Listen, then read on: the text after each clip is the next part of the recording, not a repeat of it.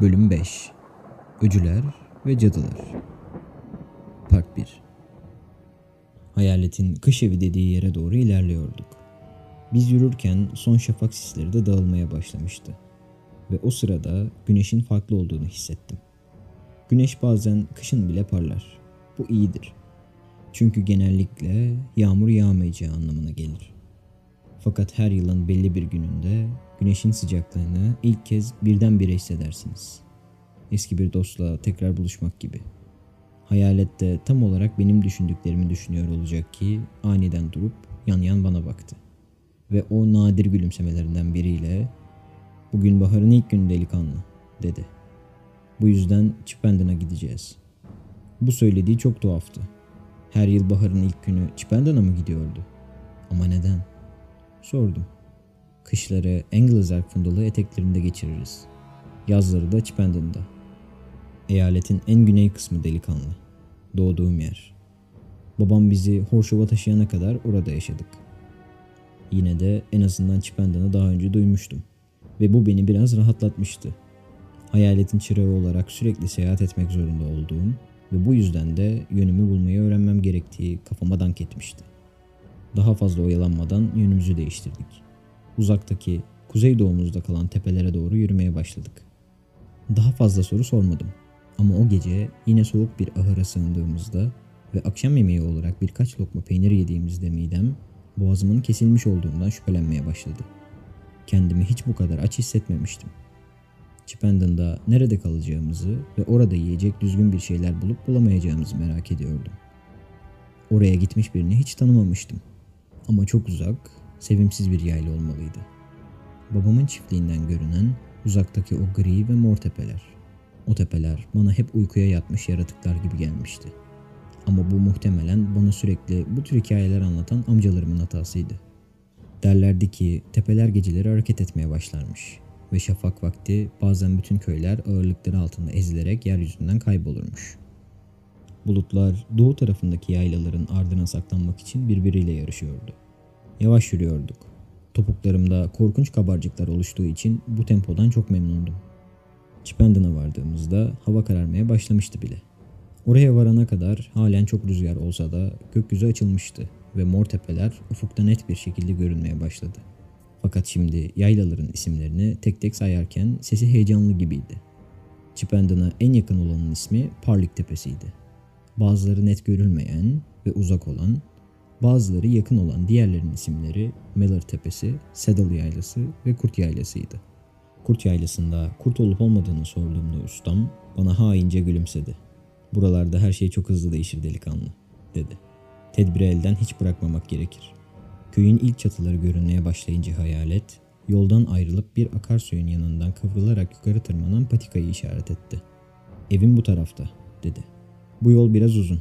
Fakat buradan gidersek köye girmemiş oluruz. Orada yaşayan insanlardan uzak dururum. Onlar da böyle olmasını istiyor. Jack'in hayalet hakkında söyledikleri aklıma geldi ve kendimi kötü hissettim. Haklıydı. Bu çok yalnız bir hayattı. Tek başına çalışmak zorundaydım. Dere kenarında rüzgarın şiddetine karşı koymaya çalışan birkaç kavruk ağaç vardı. Ama bir anda karşımıza akça ağaçlardan oluşan küllerle kaplı bir orman çıktı. İçine girdiğimizde rüzgar kesildi. Sesi uzaktan gelen cılız bir ıslığa dönüştü. Burası birkaç yüz, belki de daha fazla ağacın toplandığı bir ormandı. Rüzgardan korunmak için harikaydı. Ama birkaç saniye sonra bu ormanın sadece bir sığınak olmadığını anladım. Daha önce bazı zamanlar bazı ağaçların ne kadar gürültücü olduğunu düşünürdüm. Diğerleri hiç ses çıkarmazken onlar dallarını gıcırdatıp dururdu. Çok yukarıdan rüzgarın sesini duyabiliyordum. Ama ormanın içinde duyulan tek ses postallarımızın sesiydi. Her şey çok durağandı. Ağaçlarla dolu bir ormanın böylesi sessiz olması sırtımda bir ürperti hissederek titrememe neden oluyordu.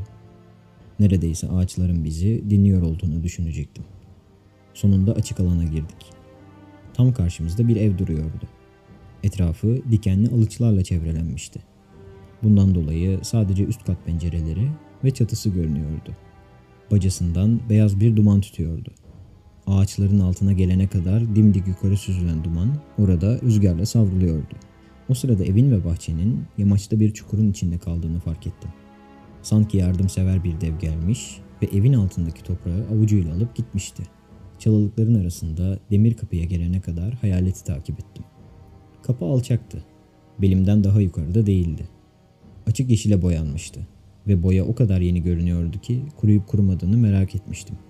Ve tabii hayaletin kapıya giden elinin boyanıp boyanmayacağını da. Birden nefesimi kesen bir şey oldu. Hayalet sürgüye dokunmadan önce sürgü kendiliğinden kalktı ve kapı görünmez bir el tarafından çekiliyormuş gibi yavaşça açıldı. Hayaletin teşekkür ederim dediğini duydum. Evin ön kapısı kendiliğinden açılmamıştı. Çünkü açılması için önce kilidin hayaletin cebinden çıkacak büyük bir anahtarla açılması gerekiyordu. Anahtar yağmur yolundaki eve girerken kullandığı anahtara çok benziyordu. Bu Horshow'da kullandığın anahtar mı? diye sordum. Evet delikanlı dedi bir yandan açık kapıyı iterken. Abim, çilingir olan. Bu anahtarı verdi. Çok karmaşık olmadıkları sürece çoğu kapıyı açar. Bizim işte çok yararlı oluyor. Kapı gürültülü bir gıcırtı ve derin bir homurtuyla açıldı. Hayaletin arkasından küçük, loş ışıklı bir antreye girdim. Sağ tarafta alçak basamaklı bir merdiven vardı. Sol tarafta ise halı döşeli dar bir koridor. Her şeyi merdivenlerin önünde bırak, dedi hayalet. Hadi delikanlı, sallanma. Kaybedecek vakit yok. Yemeğimi sıcak severim.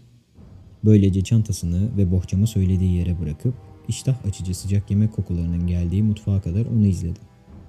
İçeri girdiğimizde hayal kırıklığı yaşamadım. Bana annemin mutfağını anımsatmıştı. Pencere pervazındaki büyük saksılarda bitkiler vardı. Batan güneşin ışıkları etrafa yansıyordu. En uçtaki köşede odayı ısıtan büyük bir ateş yanıyordu. Odanın tam ortasında meşe ağacından yapılmış büyük bir masa vardı.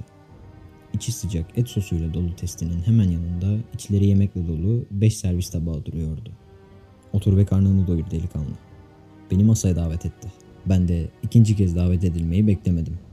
Kendime en büyüğünden tavuk ve biftek dilimleri alıp tabağımın kenarında kızartılmış patates ve sebzeler için biraz yer bıraktım. Sonunda üstlerini et sosuyla donattım. O kadar lezzetliydi ki daha iyisini ancak annem yapabilirdi. Aşçının nerede olduğunu ve tam olarak kaçta geleceğimizi nasıl bilip de biz gelir gelmez sıcak yemekleri hazır ettiğini merak etmiştim. Kafamın içi sorularla doluydu. Ama aynı zamanda çok yorgundum. Bütün enerjimi yemek yemek için ayırdım. Son lokmamı yuttuğumda hayalet çoktan tabanı silip süpürmüştü. Beğendin mi? diye sordu. Başımı salladım. Neredeyse konuşamayacak kadar şişmiştim. Uykum gelmişti. Peynir rejiminden sonra eve gelip sıcak yemek yemek çok güzel bir şeydir, dedi. Burada çok güzel yemekler yeriz. Çalıştığımız zamanları telafi edecek yemekler. Tekrar başımı sallayıp esnemeye başladım. Yarın yapılacak çok iş var. Sen en iyisi yatağına git. Kapısı yeşil olan oda senin odan. Merdivenlerin başındaki ilk oda, dedi hayalet. İyi uyu. Odanda kal ve gece ortalıkta dolaşma. Kahvaltı hazır olduğunda bir çan sesi duyacaksın. Çan sesini duyar duymaz aşağı in. Biri iyi yemek pişirdiyse ve o yemeği soğutursan sinirlenebilir. Ama erken de gelmemelisin. Çünkü bu da en az diğeri kadar kötü olur. Başımı salladım. Yemek için ona teşekkür edip evin ön tarafına geçtim. Hayaletin çantası ve benim bohçam ortadan kaybolmuştu. Onları kimin almış olabileceğini düşünerek merdivenlerden yatağıma doğru çıktım. Yeni odam bir ara iki abimle birden paylaşmak zorunda kaldığım evdeki odamdan çok daha büyüktü. Bir yatak, üzerinde mum olan küçük bir masa, bir sandalye ve bir dolap vardı. Yine de içeride yürüyebileceğim kadar boş alan kalıyordu. Ve dolabın üzerinde içinde giysilerim olan bohçam duruyordu. Kapının tam karşısında 8 bölümden oluşan ve yukarı sürülerek açılan bir pencere vardı. Camlar o kadar kalındı ki neredeyse eğilip bükülen ışıklardan başka hiçbir şey göremiyordum. Pencere yıllardır hiç açılmamış gibi görünüyordu. Yatak sağ taraftaki duvara yaslanmıştı. Botlarımı çıkarıp dizüstü çöktüm ve camı açmaya çalıştım. Biraz sıkışmış olmasına rağmen göründüğünden daha kolay açıldı. Camın alt kısmını kaldırmak için şiddetli ve ani çekişlerle pencerenin mandalını ittirdim. Böylece kafamı camdan çıkarıp etrafa bakabilecek kadar açmış oldum. Aşağıdaki çimlik alan ağaçların arasında uzayıp giden beyaz çakıl taşlarından yapılmış küçük bir yolla ikiye bölünüyordu. Ağaçların yukarısında sağ tarafta tepeleri görebiliyordum. Bize en yakın olan sanki dokunabileceğim uzaklıktaydı.